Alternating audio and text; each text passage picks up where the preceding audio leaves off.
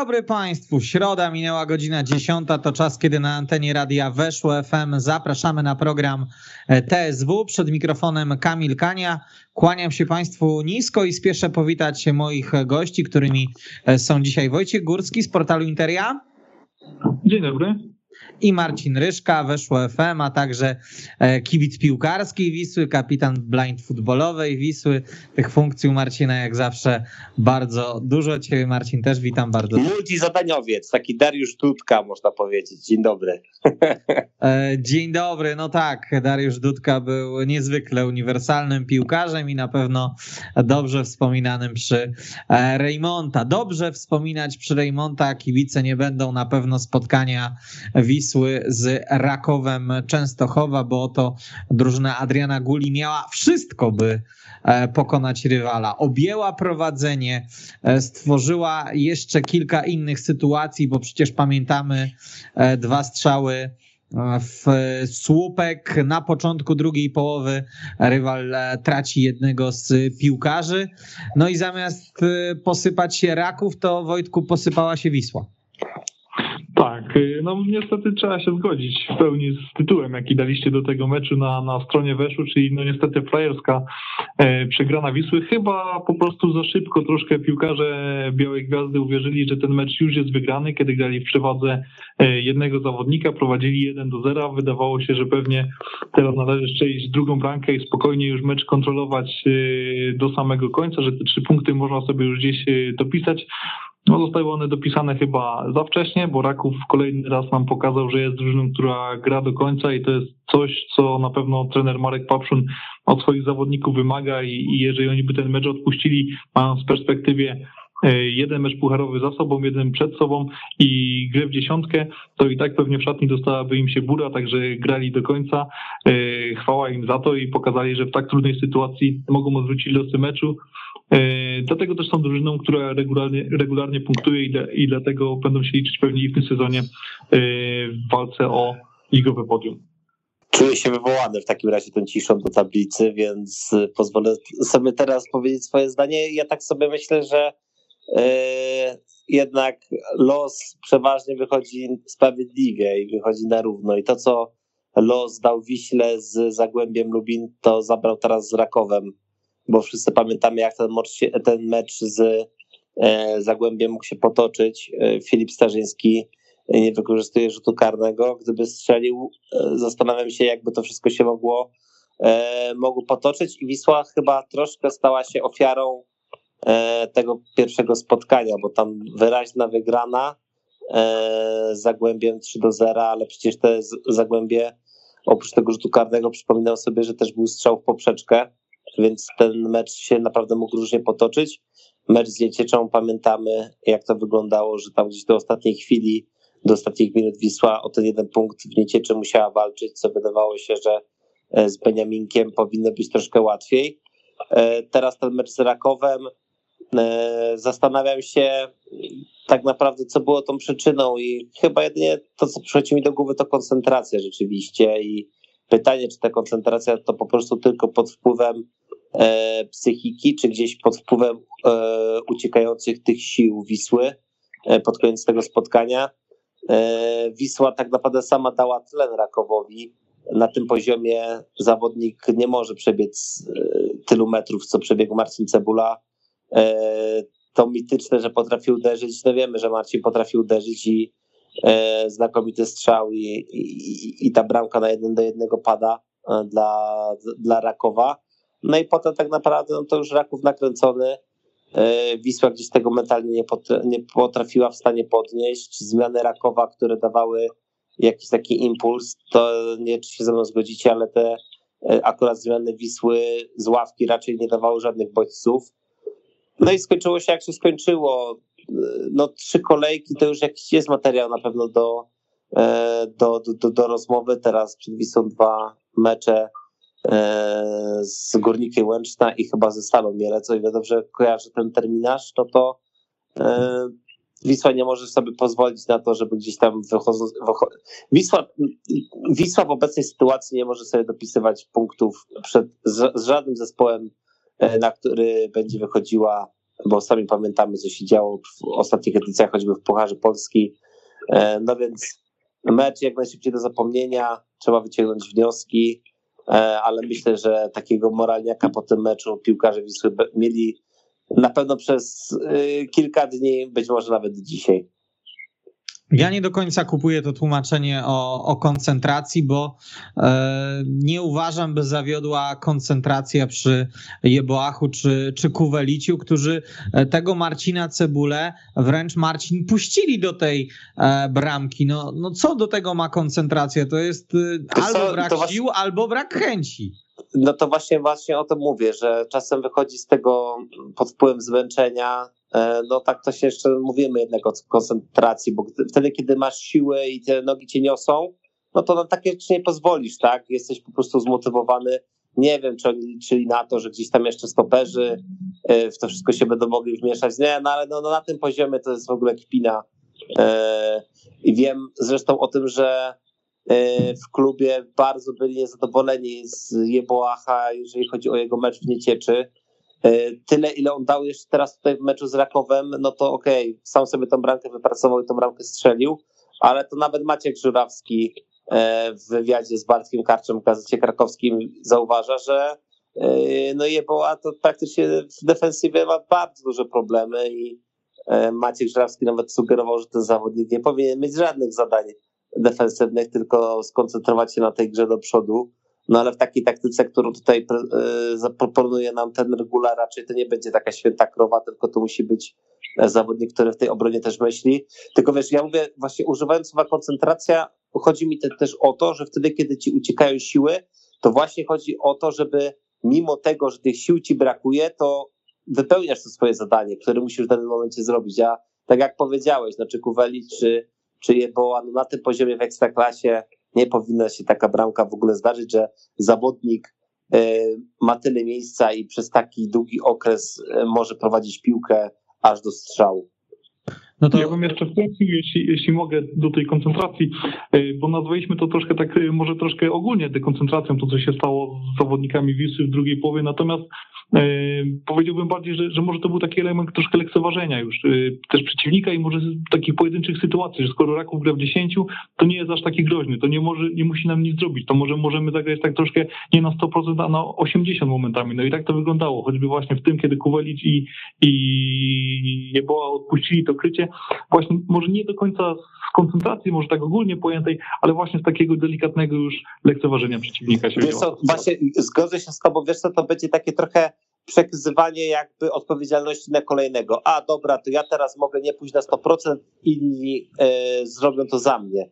E, myślę, że takie coś się mogą wkraść po prostu, że jakby nie e, nastawienie na takie, a dobra, to już mamy wylane na ten mecz, tak, i w ogóle tak, nie tak, przejmujemy tak. się tym, co się dzieje, tylko że, a dobra, ja nie muszę wejść z tą nogą na 100%, nie muszę tutaj e, pójść na pressingu na 100%, bo jest nas jednego więcej, więc ktoś mnie na pewno zaasekuruje, a jak widać skończyło się jak się skończyło.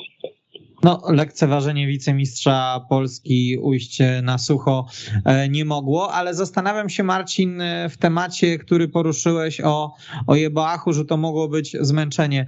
No to jeżeli piłkarz jest w 60 minucie na tyle zmęczony, by nie podbiec do rywala i by nie skasować sytuacji, która skończyła się, się bramką, to ja się zastanawiam, czy to jest piłkarz na podstawowy skład na dzisiaj, bo, bo skoro on się męczy po godzinie, to może niech wchodzi z ławki.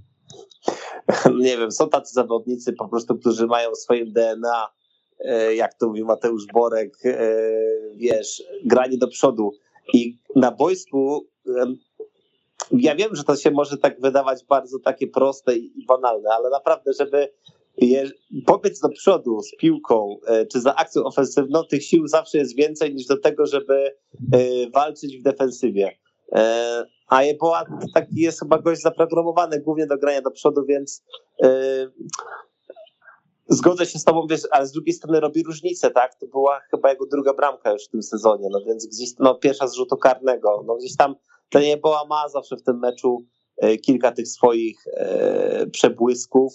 To też nie był jakiś jego nie, wiadomo jaki mecz, yy, patrząc na grę do przodu, E, no ale zgodzę się z tobą, no nie, no nie, może być, nie może mieć miejsca taka sytuacja i rozmawiałem gdzieś z jednymi z osobami z zarządu Wisły, akurat po tym meczu z Niecieczą, no to był bardzo wściekły na, na, na, na zawodnika i, i, i, gdzieś tam mówi, że to po prostu wyglądało jakby trochę sobie w tym meczu z Niecieczą przeszedł obok spotkania, ale no i teraz ten mecz z kolei no też nie popisał się właśnie przy tej, przy tej bramce straconej, która tak naprawdę mi się wydawało, no to wtedy właśnie Raków się nakręcił. Nie wiem, czy się ze mną zgodzicie, no bo do tego momentu, e, ten początek drugiej połowy, no to przecież Wisła e, bardzo mocno przycisnęła Raków. Wydawało się, że druga bramka jest kwestią czasu, no a skończyło się bramką na 1-1, no i potem już e, działo to, co się działo.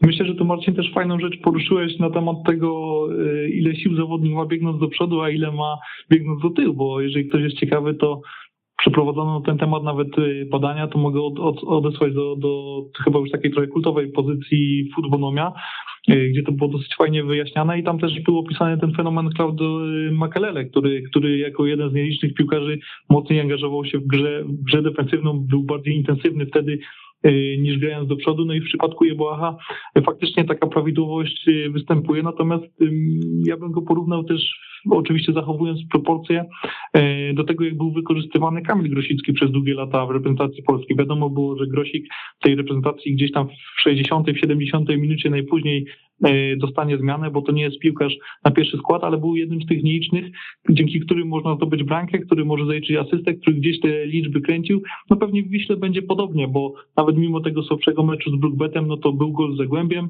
e, jest gol z Rakowem, pozostali skrzydłowi Wisły, jak bardzo obiecujący by nie byli Piotr Starzyński, Mateusz Młyński, to na razie e, nie są taką gwarancją liczb, w każdym spotkaniu, czy, czy, czy powiedzmy w co drugim, co trzecim spotkaniu, że, że oni będą te liczby kręcić. Wydaje się, że Jeboa taką gwarancję daje, daje zdecydowanie bardziej. Ja tu jeszcze podejmę troszkę jeszcze tego tematu właśnie, czy to dyscypliny, czy koncentracji. E, e, polecam wywiad e, Tymka Puchacza dla kanału sportowego, który teraz w Bundestag się wypowiadał w ostatnim odcinku, który opowiadał o takiej sytuacji, że trener Unionu Berlin zwraca mu uwagę nawet wtedy, kiedy piłka jest od niego 90 metrów, wtedy, kiedy akcja dzieje się gdzieś przy chorągiewce, a Tymek jest w ogóle ustawiony na swojej połowie. Jak ważne są tak na, naprawdę metry i ta dyscyplina taktyczna. I tu właśnie rozmawiamy o tym, jak zawodnik e, powinien się zachowywać w danym elemencie gry i, od, i, gdzie się ma przesunąć i jak się ma zachować. I tu właśnie też rozmawiamy między innymi o takiej sytuacji, że po prostu jest jakieś abecadło na boisku, gdzie w danym momencie zawodnik ma się zachować. I okej, okay, my możemy sobie rozmawiać o tym, że ktoś jest bardziej ofensywny, ktoś jest bardziej defensywny, ale jakieś te ramy taktyczne muszą być, że ten zawodnik w środku pola musi potrafić skasować tą sytuację. Nawet jeżeli nie jesteś w stanie zatrzymać zawodnika prawidłowo, to wykonujesz taktyczny faul tylko to jest właśnie ta dyscyplina taktyczna, czy ta koncentracja, o której my rozmawiamy, bo to nie chodzi o to, że koncentracja, czyli na przykład, że zawodnik myśli sobie już o tej pizzy, którą za chwilę zje po meczu, tylko to właśnie chodzi o to, żeby on koncentrował się na tym, co w danym momencie ma za, e, jak się ma zachować, bo e, czy to pomocnik, czy obrońca, czy nawet napastnik, oni muszą zamykać przestrzenie, muszą wykonywać wiele takiej pracy, której pozornie nie widać, prawda, na, podczas, podczas meczu, podczas spotkania. No a tu, tej takiej no, żelaznej konsekwencji i, i, właśnie tej takich e, jakby taktycznych rzeczy troszkę, e, trochę zabrakło. No nie będziemy się tu jakby pewnie bardzo, e, bardzo wymądrzać, ale ja się śmieję, że tak naprawdę nie dziwi mnie to, że są tacy zawodnicy, którzy właśnie tutaj właśnie Wojtek fajnie opowiedziałeś i muszę sobie zgłębić ten temat do tego, że łatwiej się biega naprawdę do przodu, niż, niż do tyłu, no ale na takim poziomie grając w Wiśle Kraków nie można sobie pozwolić na, na takie wpadki. Zrobił nam się mały osąd bohatera Jauje Boacha, więc e, zmieńmy troszeczkę e, narrację, bo, bo nie można też powiedzieć, że to jest e, winowajca porażki Absolutnie. Wisły Kraków. Wręcz przeciwnie, to, to jego akcja w dużej mierze dała w tym meczu nadzieję Wiśle na to, że może się to skończyć naprawdę przyjemnym e, sierpniowym popołudniem. E, Nikola Kuwelić, on zastąpił Georgija Żukowa w wyjściowym składzie.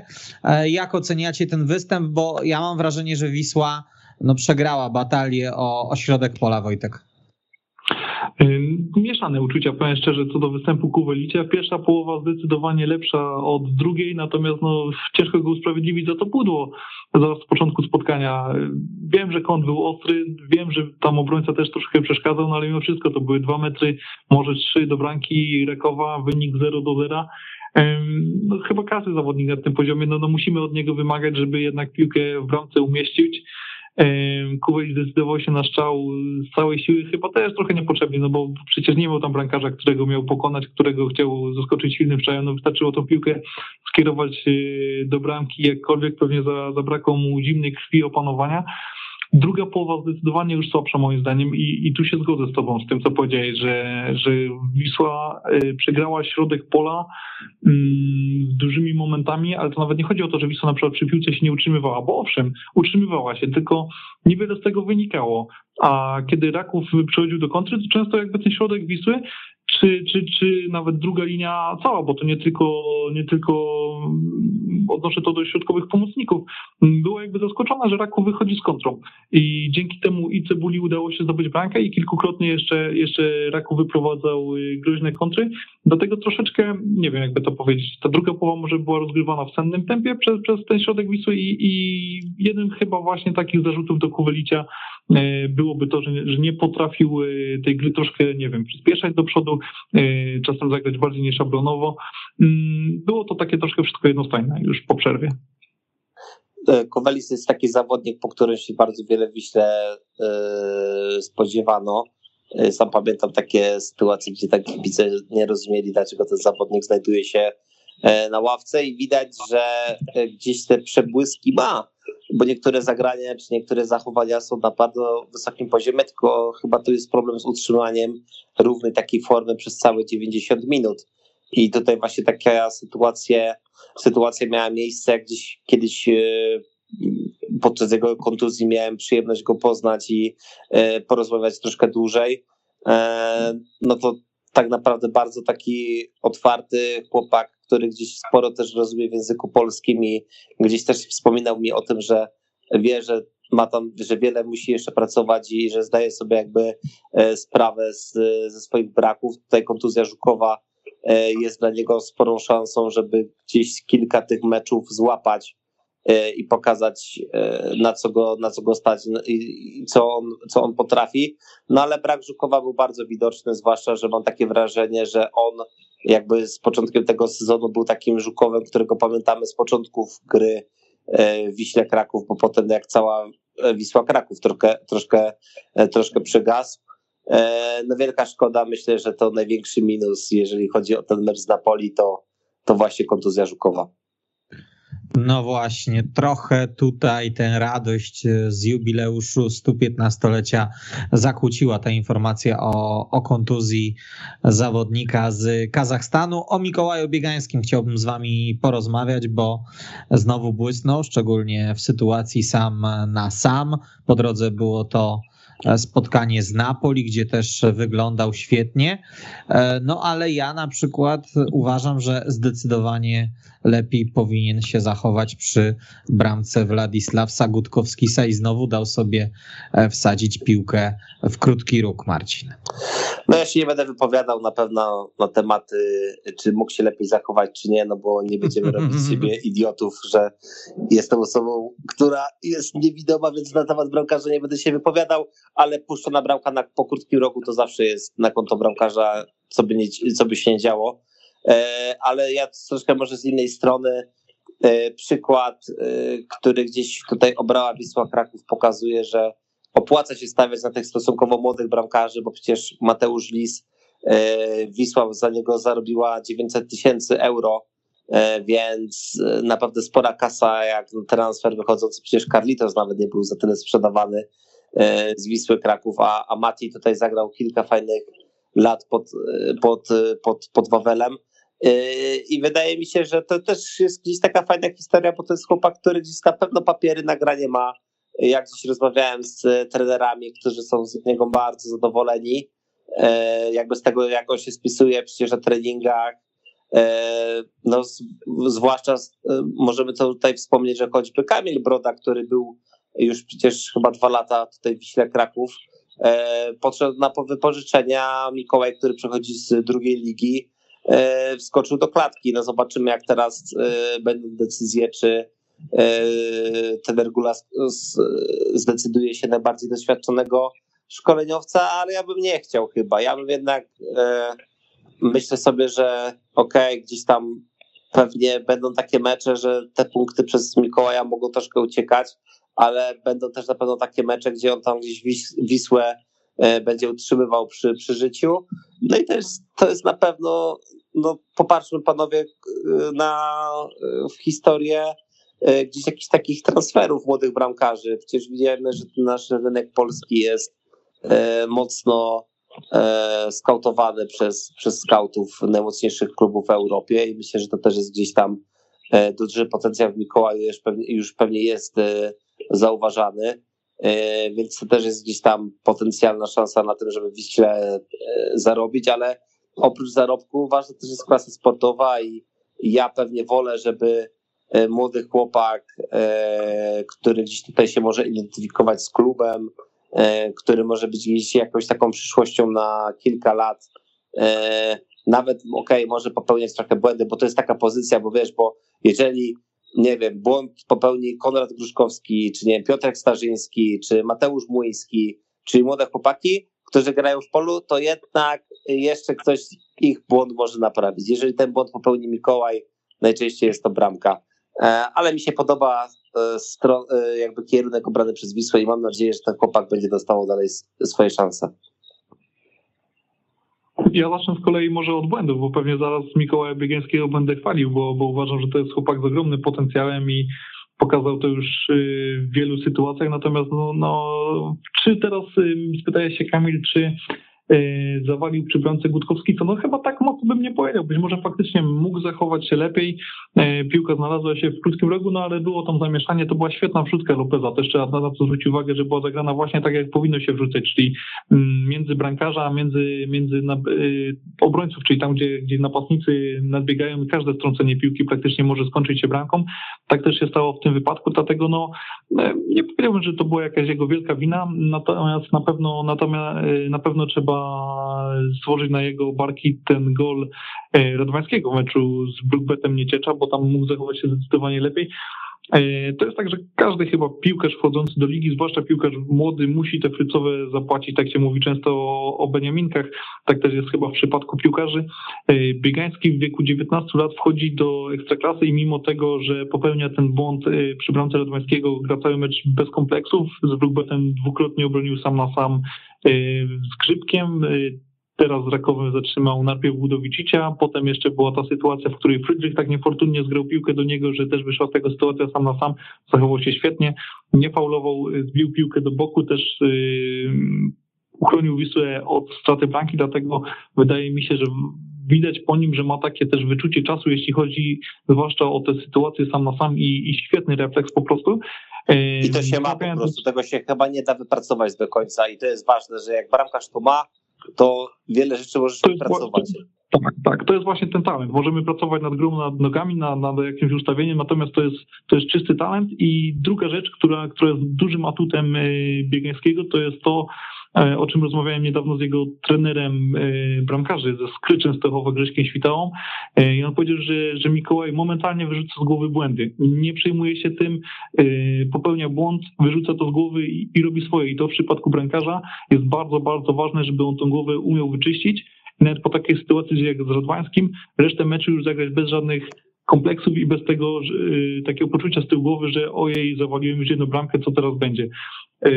To jest, to jest myślę, że bardzo ważne, jeżeli faktycznie się okaże, że, że to jest chłopak, który psychicznie sobie e, będzie radził ze swoimi błędami i wyciągał z nich e, wnioski na przyszłość, to może zrobić fajną karierę i Wisłą może na niej zarobić. Natomiast druga jeszcze rzecz, która mi przychodzi do głowy, to jest to, że Paweł Kieszek e, chyba nie był też ściągany do Wisły z myślą, że to jest tylko zmiennik. Dlatego ta rywalizacja w bramce będzie chyba no dosyć no, zacięta i Wigański mnie... będzie musiał zasłużyć na to miejsce w bramce. To mnie bardzo ciekawi, bo przypominam sobie przykłady Korony Kielce i Wisły Płock sprzed kilku sezonów, kiedy w Kielcach stawiano na Pawła Sokoła, w Płocku przez moment na Bartłomieja Żynela jako e, bramkarzy ze statusem e, młodzieżowca.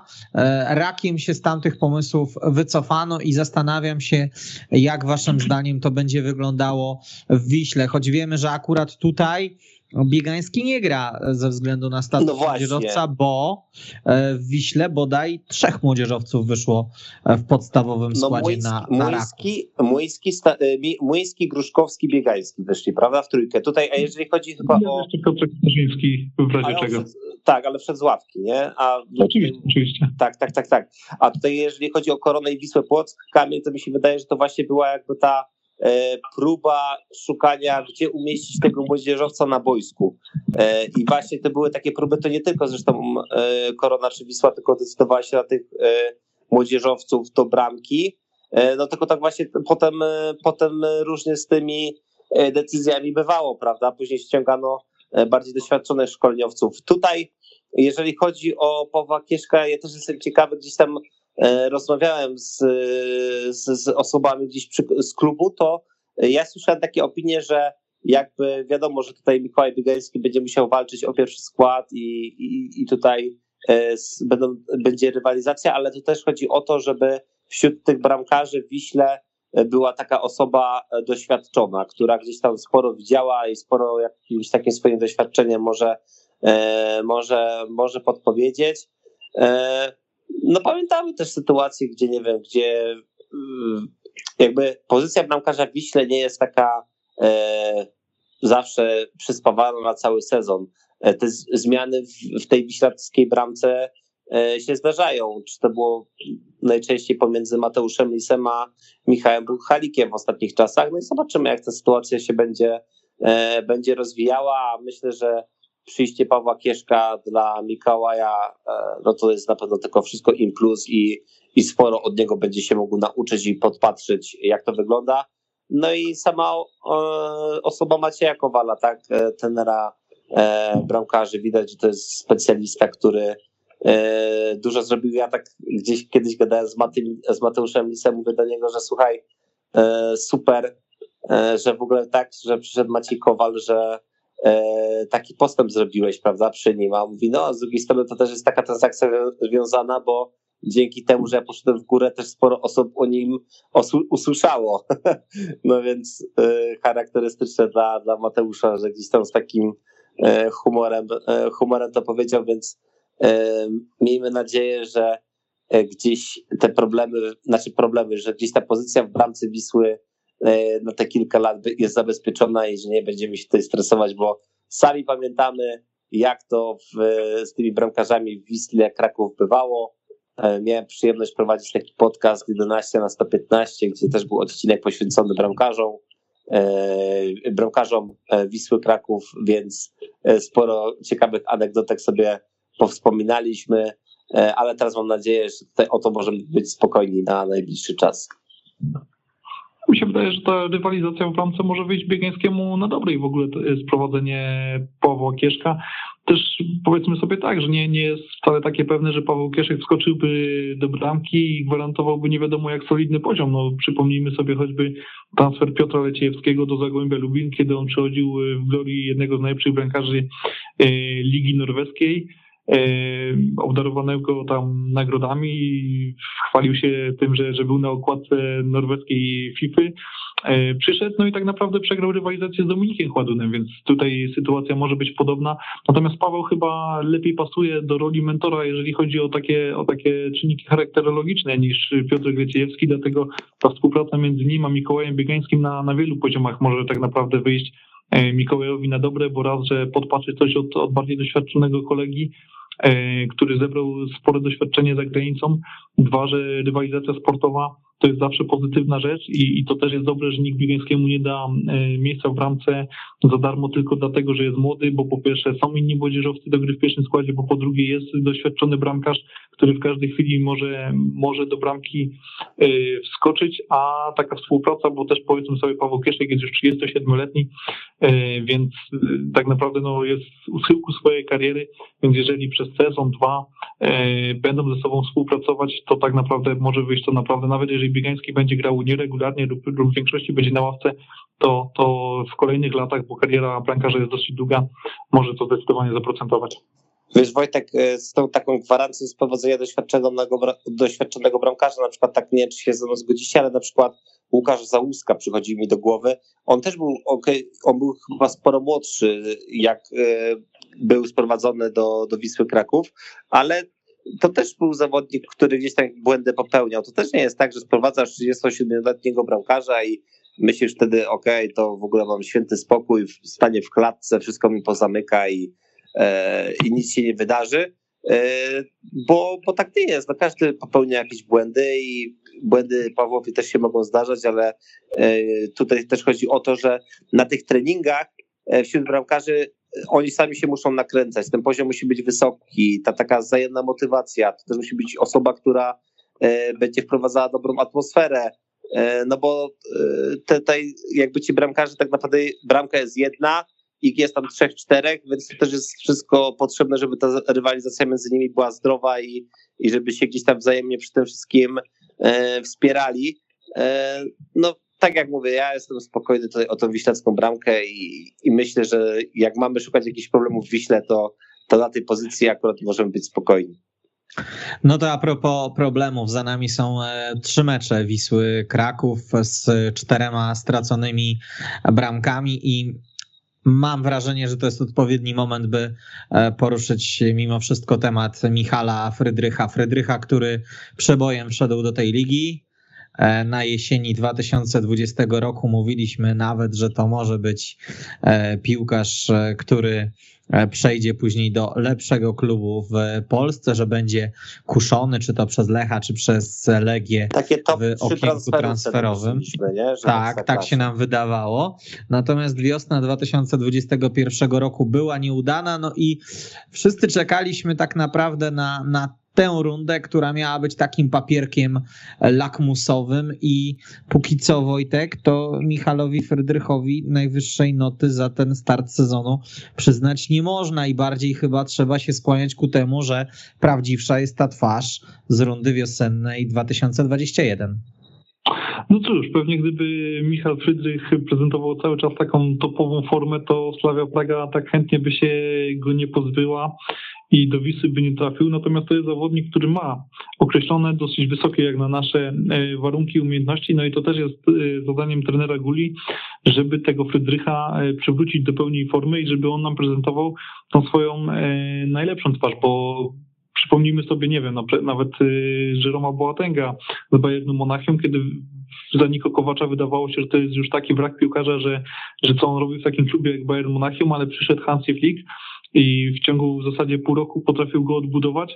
E, także, że to gość, który był podstawowym zawodnikiem tego Bayernu, który wszystkich rywali zmiatał jak maszyna, zagrał w finale Ligi Mistrzów e, i, i, i powstrzymał tam Mbappé i, i Neymara, dlatego mm, wiemy, że Frydrych potrafi na określonym poziomie grać i, i teraz to jest kwestia tego, e, żeby stworzyć mu te warunki, na treningach, e, w rywalizacji, żeby on e, do tego poziomu wrócił i żeby nawiązywał do tych swoich najlepszych meczów w Wiśle, a nie do tych, które, które mieliśmy teraz. To jest prawda, że ostatnimi czasy nieco z tonu spuścił. No, teraz w zasadzie dwa takie błędy, może ich było więcej, ale dwa takie kardynalne mi przychodzą do głowy. Czy jedno to jest to zgranie, zgranie piłki głową do Biegańskiego zbyt krótkie, po którym wyszła sytuacja sam na sam. Druga, no to to nie, też niedoskoczenie do Marcina Cebuli, bo czekał, czekał, aż, aż Cebula podejdzie pod pole karne, a Cebula huknął E, i było jeden do jednego.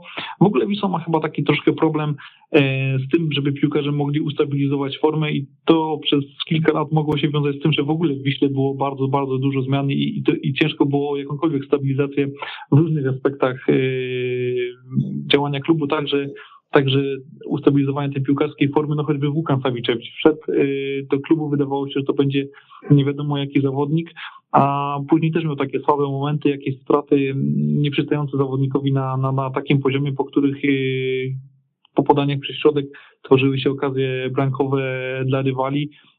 Chyba Wólny Dbasza też tak miał, że, że po dobrym początku, czy, czy, czy teraz Żuków po dobrym początku trochę spuścił stonów, to znowu się odbudowuje. Także my, myślę, że to, to może też być taka mała sinusoida w wykonaniu doświadczonego Czecha i, i po tym lekkim dołku forma pójdzie w górę, czego w zasadzie to jemu bym życzył i kibicom Wisły jak najbardziej. E, Michał Frydrych to był jeden z zawodników, którzy najbardziej narzekali na te e, treningi u tenera Chybali. E, chodzi o te same obciążenia, to jest zawodnik już, który ma swoje lata, to zawodnik po 30 i na pewno potrzebuje troszkę innego treningu i trochę innego bodźcowania.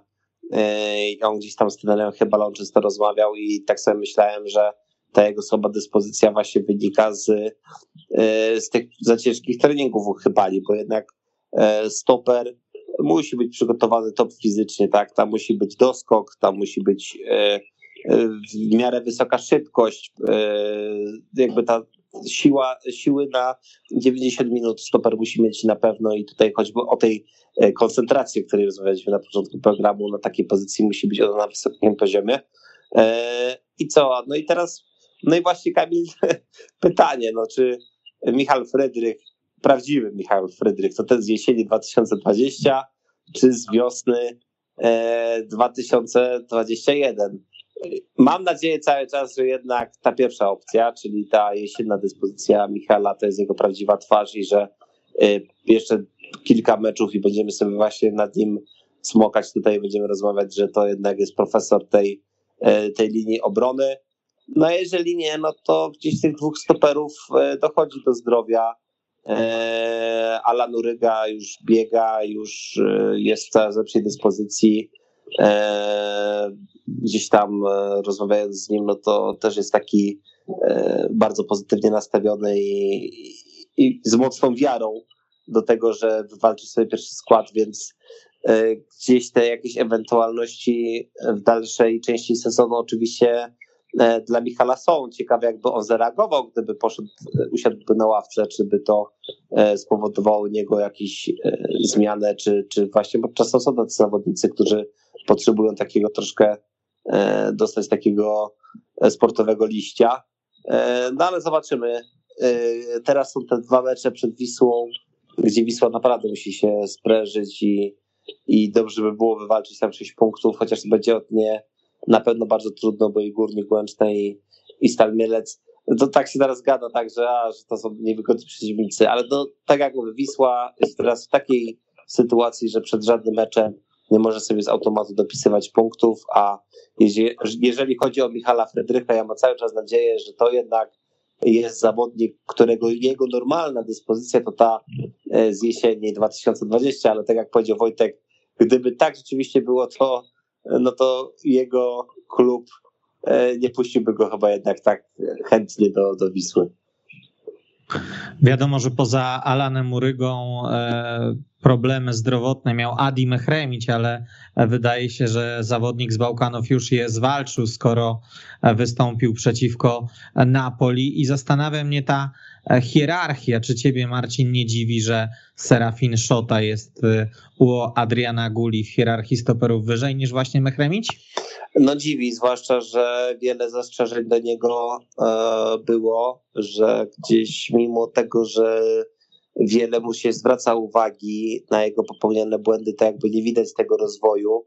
E, gdzieś tam chwilę nawet był temat wypożyczenia e, z Wisły, ale jak widać, gdzieś tam ten Regula w nim coś widzi. Nie wiem, czy widzi w nim PESEL, czy widzi w nim e, jednak jego taką codzienną dyspozycję na, na treningach.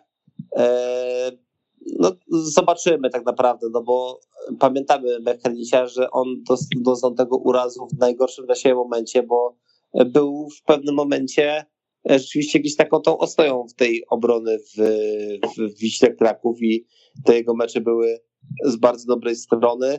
E, no, cieszy rywalizacja na pewno, że ma kto tam grać na tym środku, tak? E, e, w razie, w razie, w razie, w razie takiej potrzeby.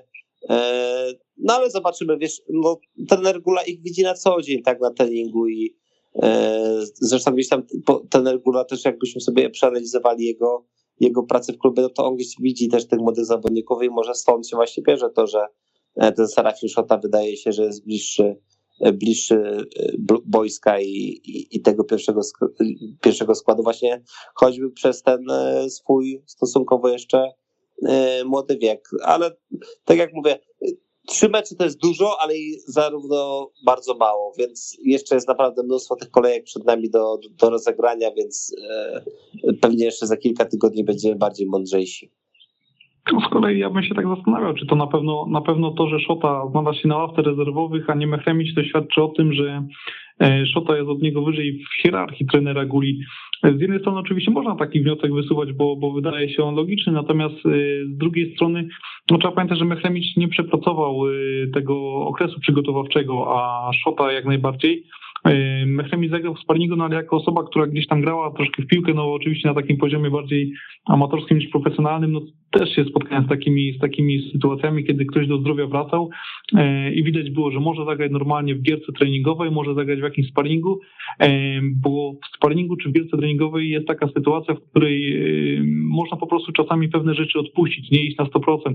Jeżeli w meczu z Napoli Mechremicz nie poszedłby na 100% i gdzieś by nogę odstawił, to nic by się takiego nie stało. Trudno, najwyżej Wisła straci gola, to jest tylko gol w meczu sparingowym, on tak naprawdę niczego nie zmienia, natomiast w meczu ligowym trzeba być gotowym na 100% i, i, i trzeba, nie można tej nogi odpuścić, odstawić i, i, i zawsze trzeba grać do końca i być może na to Mechrem jeszcze nie był gotowy, a w razie kiedy Szota musiałby na boisko wejść, to on by na takie poświęcenie mógł się zdobyć.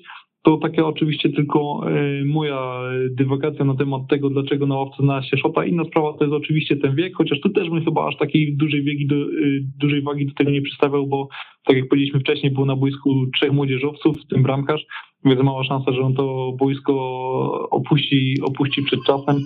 E, jest jeszcze Piotr Starzyński, który także jest młodzieżowcem i, i na to boisko mógł wejść, także pozycja młodzieżowca tak jak pozycja brankarza, o której wcześniej mówiliśmy, jest w Wiśle dobrze zabezpieczona i to chyba w ogóle musi cieszyć, bo, bo to też znaczy, że, że jakiś rozsądek w tym planowaniu kadry na nowy sezon e, został zachowany.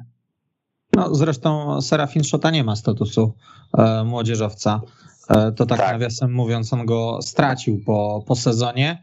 E, panowie, przejdźmy sobie teraz do ławki rezerwowych, bo mam wrażenie, że Wiśle Kraków brakło impulsu e, z ławki przy okazji tego meczu z Rakowem. Brakło zmiennika, który mógłby wejść w buty lidera to tym dziwniejsze, że siedział na tej ławce Kuba Błaszczykowski, a mimo to e, na placu gry kapitan się nie pojawił, Wojtku.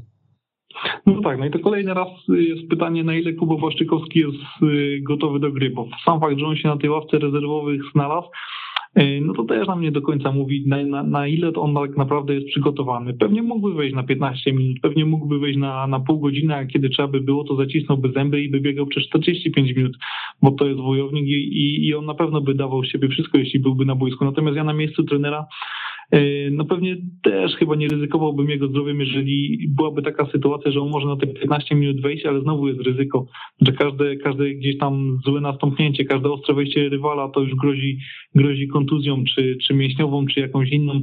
No bo też trzeba pamiętać, że no to jest piłkarz już ze strasznymi przejściami, który tak naprawdę od kiedy znalazł się w finale Ligi Mistrzów w 2013 roku, na kiedy to było, e, to on tylko raz przekroczył 50% rozegranych minut w klubie w całym sezonie. No to jest, to, to pokazuje z, z jakimi problemami on się mierzy.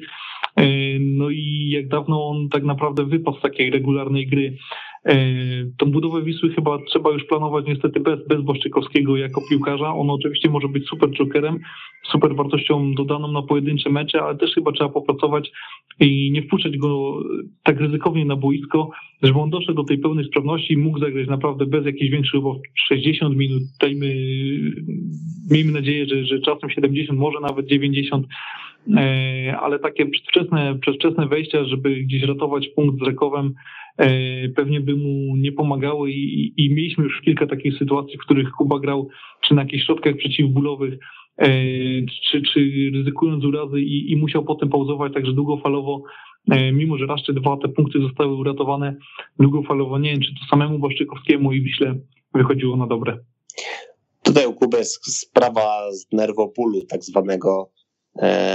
Ktoś, kto gdzieś tam w piłkę wie, na czym to polega, to jest po prostu ból, który bierze się tak naprawdę z jakiegoś ucisku na nerw i, i niby głupota, ale bardzo bolesna. I tutaj Kuba gdzieś bardzo e, mocno pracował tak naprawdę, żeby być już e, dostępny na ten pierwszy mecz z Zagłębiem, niestety się nie udało. I wydawało się, że już na mecz nie cieszą, to już na 100% będzie dostępny, ale gdzieś cały czas gdzieś to kolano e, dokucza Kubie. E, i wydaje mi się, że ta dyspozycja już była na tyle, jak gdzieś ten ból chyba sobie z nim poradzono na tyle, że gdzieś mógł wejść właśnie na ławkę, no bo sama już gdzieś tam obecność pewnie Kuby w szatni przed meczem, e, gdzieś tam rozmowa z, z chłopakami, gdzieś już tam pewnie tym chłopakom e, pomaga, e, ale no nie, jak widać chyba ten regula jeszcze po prostu, no głupio by było, żeby Kuba wszedł i, i właśnie znowu w takim meczu załatwił się na tyle, żeby pogłębić gdzieś ten uraz i, i żeby nie móc dalej e, żeby nie móc e, więcej jakby dawać, e, dawać Wiśle i znowu by wylądował na kilka meczów po, nie wiem, na kozetce u fizjoterapeuty. No ale zobaczymy, jak teraz te, te mecze najbliższe. Mam nadzieję, że już Kuba się pokaże, bo rzeczywiście na pewno jego doświadczenie i te umiejętności pomogą Wiśle, choćby właśnie w takim dawaniu takiego impulsu właśnie w tych drugich połowach. Ja już o tym wspomniałem na początku programu, że Raków ten mecz wygrał też tym, że ci zawodnicy, którzy wchodzili, dawali jakiś impuls i dawali coś ekstra, a, a Wiśle tego nie było. Jeżeli osoby wchodzące z ławki nie dają impulsu, to tylko pokazuje, że cała, cała drużyna ma jakiś problem, że może jeszcze ta forma po prostu drużyny jako całości nie jest najwyższa, E, pytanie, kiedy możemy się spodziewać właśnie tej takiej dyspozycji e, najlepszej. Wiemy, że ta drużyna jest krótko z sobą, że tak naprawdę zagrali tylko trzy poważne mecze, bo granie sparingów i choćby takie sparingi, nawet jak z Napoli, e, no nie dają tego samego, co dają mecze o punkty, tam gdzie się pojawia stres, gdzie pojawia się presja, bo ja nawet pytałem się tutaj, czy nie ma takich obaw, że ten mecz z Napoli odbije się gdzieś tam zdrowotnie na e, dyspozycji Wisły, w sensie chodziło o jakby poziom zmęczenia i tak dalej, ale dostałem taką informację, że takie mecze no to, to jest jakby radość dla piłkarza, że nie ma w ogóle presji wyniku, e, że gdzieś tam zawodnicy cieszą się graniem i że ten poziom zmęczenia jest zupełnie inny. No i gdzieś trochę to było widać, no tylko Żukow by tej ręki nie złamać. To by już szczęście było E, stuprocentowe, jeżeli chodzi o, o taki mecz z, z Napoli.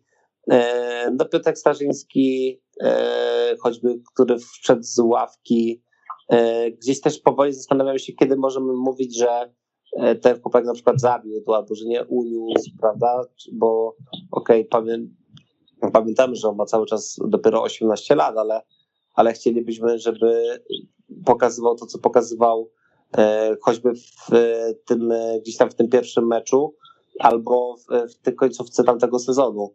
E, no bo gdzieś na to liczymy, prawda, że, że, że ta ławka Wisły też będzie dawała, będzie dawała impuls i będzie pomagała w tym, żeby gdzieś tam w tych końcowych minutach zagrażać bramce przeciwnika. Tak się nie stało w tym, w tym, w tym, w tym spotkaniu. E, ale jak mówię, no jeżeli ławka nie daje impulsu, to to tylko pokazuje wtedy, że problem ma jakby cała drużyna, a, a, a nie gdzieś tam pojedyncy, pojedynczy zawodnicy. Ja ci Marcin powiem więcej. Piotrek Starzyński nawet jeszcze 18 lat nie ma. Tak? Bo, bo w styczniu będzie obchodził dopiero 18. Okay. E, urodziny, chłopak z rocznika 2004. Pewnie w tej chwili największy diament, jaki e, Wisła ma i na który musi chuchać i e, dmuchać, by wreszcie coś zarobić na, na jakimś młodym piłkarzu pewnie. Przy okazji tak, transferu zagranicznego. No to wychodzi na to, Wojtek, że wcale ten Stefan Sawić nie jest taki zły, skoro pod jego nieobecność nie ma kto wyjść z ławki i ofensywy rozruszać, bo e, Dorem Hugim ja byłem zachwycony w niecieczy pod względem tego, jak potrafi posłać piłkę na nos. Natomiast no ja jednak czego innego oczekuję od ofensywnego pomocnika. E, nie tylko tego, żeby umiał bić stałe fragmenty gry. Powinien też umieć trochę, trochę szarpnąć. Tak, no Hugi jest niestety takim chyba troszkę rozczarowaniem tych, tych, tych y, transferów, które Wisła latem dokonała. Oczywiście nie można go jeszcze skreślać, bo to były na razie trzy spotkania, trzy wejścia z ławki. Na pewno więcej się spodziewał teraz trener Gula po nim, bo wpuścił go e, na boisko jako pierwszego. Tego impulsu nie było. W zasadzie można powiedzieć taki występ zupełnie bezbarwny do zapomnienia i sam trener Wisły e, po meczu powiedział taką rzecz, że chyba te zmiany nie były do końca trafione, że, że zawodnicy z Sławki e, nie dali tyle, ile by chciał. E, myślę, że Stefan Sawicz to też jest ciekawa alternatywa, zwłaszcza, zwłaszcza dla, dla Skwarki, który też chyba w tym meczu mnie aż tak nie przekonał. Powiem więcej, nawet nie wiem, czy się ze mną zgodzicie, ale to może wrócę do tej, do tej sytuacji, w której była czerwona kartka dla Rakowa, ale ja osobiście wymierzyłbym podobną karę Skwarce, co, co, co zawodnikowi Rekowa, bo e, Skwarka wykonał ślizg, y, spóźniony wszedł w nogi Papa Nikolału, a później ewidentnie, ewidentnie też go kopnął. Papa Nikolał odwdzięczył się tym samym, a, a że stało, to miał pecha, bo wyglądało to e, zdecydowanie gorzej. Natomiast nie zdziwiłbym się, gdyby Skwarka też tego meczu nie dokończył e, i wyleciał z czerwoną kartką z boiska. No ja też się zastanawiałem, jak sędzia zbiega spod monitora VAR, co ono rzeknie, bo, bo istotnie to była sytuacja, w której Szkwarka też miał swoje e, za uszami. To, to prawda, tu się, e, tu się zgadzam. Marcin, ty i Stefan Sawicz, jakie, jakie opinie? E, może jeszcze najpierw o Huki kilka słów. Myślę sobie, A bardzo że, cię proszę. Myślę, że po nim bardzo dużo się spodziewano, choćby po tych liczbach, które on wykręcił w tej e, lidze austriackiej. E, nawet spotkałem się z takimi opiniami, że e, dyrektor sportowy, który gdzieś tam z nim kiedyś współpracował w Austrii, mówił, że on za bardzo nie miał z kim grać w swoim poprzednim klubie i że on jakby te liczby musiał wykręcać sam, że był tam bardzo mocno w tym wszystkim osamotniony. No tutaj wydaje mi się, że Wiśle ma z kim grać, tylko na razie jakby nie chciał z, z, z, nimi, z nimi grać i wskakiwać na ten, na ten poziom. No Stefan Savic e, to też jest chyba jednak, wydaje mi się, w tej takiej kategorii transfer Wisły, gdzie poniżej oczekiwań on się sprawdza. Na treningach jest podobno królem treningów i e, gdzieś w tych małych gierkach e, wyczynia cuda. Nie, to ja no, ale... słyszałem to samo. I raz. Ja o Czutce słyszałem dokładnie to samo. A wiesz co, a właśnie nie. Ja słyszałem o Czutce, że nie robił jakichś takich, nie robił takich wielkich, e, wielkich różnicy. Ale jest taki, jest takie coś jak w piłce, jak zawodnik treningowy. Ja polecam e, serdecznie taki tekst na Weszło można sobie odnaleźć e, niedawno, tylko nie pamiętam teraz, kto go napisał, czy Paweł Paczul, czy może Michał Kołkowski, e, na temat właśnie zawodników treningowych. Ja się troszkę bawię, czy Stefan Sabic to nie jest właśnie taki zawodnik treningowy, chociaż pamiętamy końcówkę tamtego sezonu, e, która była dość dobrze udana, jeżeli dobrze pamiętam, dla, dla, e, dla Sabicia. No ale zarówno czy Sabic, czy, czy Hugi no stać ich na pewno na wiele, a na pewno na wiele więcej Wiśni się na nich liczy. Przed y, Krakowianami teraz e, spotkanie ze Stalą Mielec, a więc drużyną, która przynajmniej w teorii ma się bić o, o utrzymanie. Mecz w piątek o godzinie 20.30. No to krótkie typowanko mam dla panów na koniec. Marcin, jaki, jaki rezultat w Mielcu? Będzie powtórka z tego wyjazdu za kadencji Artura Skowronka? Nie, nie ma szans. To wtedy Stal była dziesiątkowana sytuacją zdrowotną i to też właśnie to był taki mecz, który zamazał bardzo mocno obraz obecnej e, tamte, tamtej, tamtej Wisły. Ja tak myślę, że będzie takie jakieś 1-0, 2-0, 2-1. Taki, taki wszystko na styku będzie. Tak, tak, tak mi się wydaje w tym, w tym meczu e, w, dla, dla Wisły. Ja z kolei wskazałbym zwycięstwo Wisły, ale, ale takie mocno w bólach, bo wydaje mi się, że Stal po tym słabym początku zrobi wszystko, żeby wreszcie zapunktować i wreszcie wygrać. Także dla niej to też będzie bardzo ważny mecz, no ale Wisła dostała teraz dwa bardzo mocne sygnały ostrzegawcze, czyli ten remis uratowany w ostatnich minutach z Wróżbetem, stracone punkty z Rakowem, no i też musi punktować, bo później chociaż gra z Górnikiem Łęczną, to to w kolejnych meczach ma bardzo ciężko, bo ma Legię, Lech, Lechie, Lecha, Pogoń i Piast. Także terminarz y, szalenie ciężki. i, i w tych meczach ze Stalą Mielec i z Górnikiem Łęczna mu, musi zapunktować, dlatego myślę, że motywacja będzie na odpowiednim poziomie, jednak Wisła pokaże, że e, ma w sobie więcej jakości od piłkarzy z Mielca. Ja zmieniam 2-1 dla Wisły, mówię konkretnie. Rozgadali ja się. 1-0 na koniec. Rozgadali się moi goście w dzisiejszym programie, a tu w dokach startowych e, czeka już Kamil Gapiński i magazyn Trigapa, tak więc e, dziękuję e, panowie za, za wasz udział w programie. Gapka. Marcin Ryszka, Weszło dziękuję. FM, Wojciech Górski, Interia. Dziękuję bardzo. A za uwagę i wspólnie spędzony czas dziękuję także Kamil Kania. Do usłyszenia.